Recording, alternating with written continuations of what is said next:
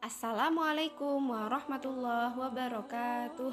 Apa kabarnya Ananda Soli Solihah Saya harap kita semua senantiasa diberikan kesehatan Sehingga kita bisa menjalankan pelajaran Atau menjalankan hari ini ya Belajar hari ini dengan semangat sehat selalu. Amin amin ya robbal alamin.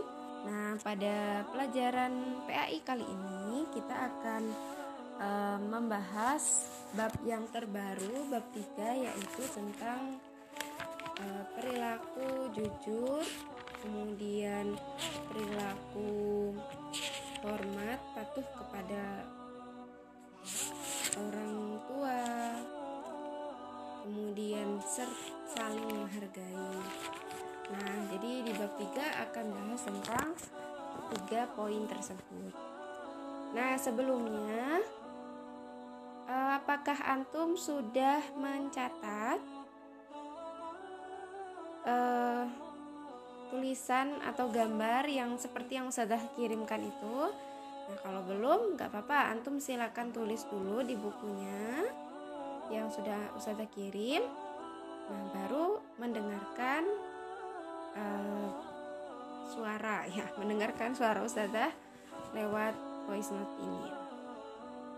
Nah, kita ya pertama akan membahas tentang perilaku jujur.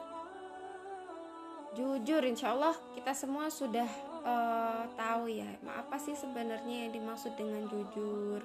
Udah sering insya Allah dibahas tentang perilaku jujur itu seperti apa. Uh, perilaku jujur itu merupakan perilaku yang terpuji, perilaku yang baik, yang semestinya kita kita terapkan dalam diri kita. Kita tanamkan dalam diri kita bahwasanya saya ini harus menjadi seorang yang berperilaku jujur. Nah, secara makna atau e, arti gitu ya. Makna dari jujur itu adalah lurus hati, tidak berbohong, tidak curang, tulus, ikhlas. Jadi uh, kalau secara istilah jujur itu selaras antara ucapan, tindakan dan kenyataannya. Nah, sehingga um, yang dilakukan sama sama yang diucapkan. Oh, Ana habis makan. Nah, berarti kenyataannya memang habis makan, mengucapkannya habis makan. Kalau Ana Ana belum makan padahal tadi udah makan itu berarti tidak jujur. Nah, kalau secara bahasa Arab itu istilah jujur disebut dengan as-sidqu. Nah, lawan katanya berarti apa kalau jujur? Lawan katanya adalah berbohong atau dusta. Nah, Imam Al-Ghazali menjelaskan bahwa jujur itu meliputi lima aspek. Pertama, jujur dalam berniat, jujur dalam ucapan, jujur dalam kemauan, jujur dalam menepati janji, dan jujur dalam perbuatan.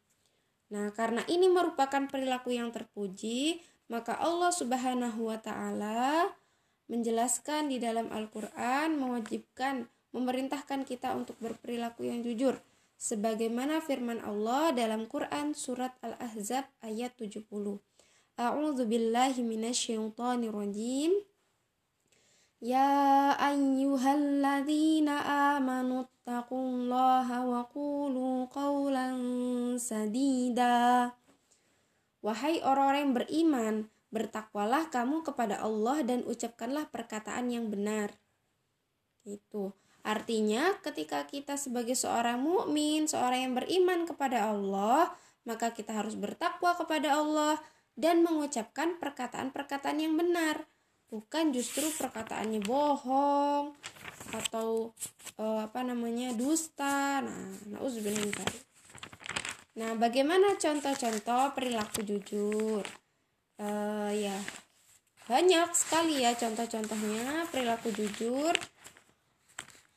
Misalkan jujur kepada diri sendiri tidak membohongi diri sendiri tidak berperilaku munafik. Nah, ada yang tahu nggak ciri-ciri orang yang munafik itu. Salah satunya adalah ketika dia berbicara dia berbohong. Itu. Maka kalau misalkan kita bicara tapi kita berbohong, berdusta, kita kita memiliki salah satu dari ciri-ciri orang munafik. Apakah antum mau? Apakah kita mau dikatakan orang munafik? Nauzubillahiminzalik. Semoga tidak ya. Nah, eh, kemudian yang contoh-contoh yang lainnya insya Allah banyak sekali dalam berperilaku jujur. Nah, nanti Ustazah akan memberikan beberapa latihan soal untuk uh, materi jujur ini. Ya, um, itu pembahasan mengenai perilaku jujur. Nah, kita akan lanjut kepada pembahasan perilaku hormat dan patuh. Hormat bukan berarti hormat itu hormat hormat kepada bendera itu hormat.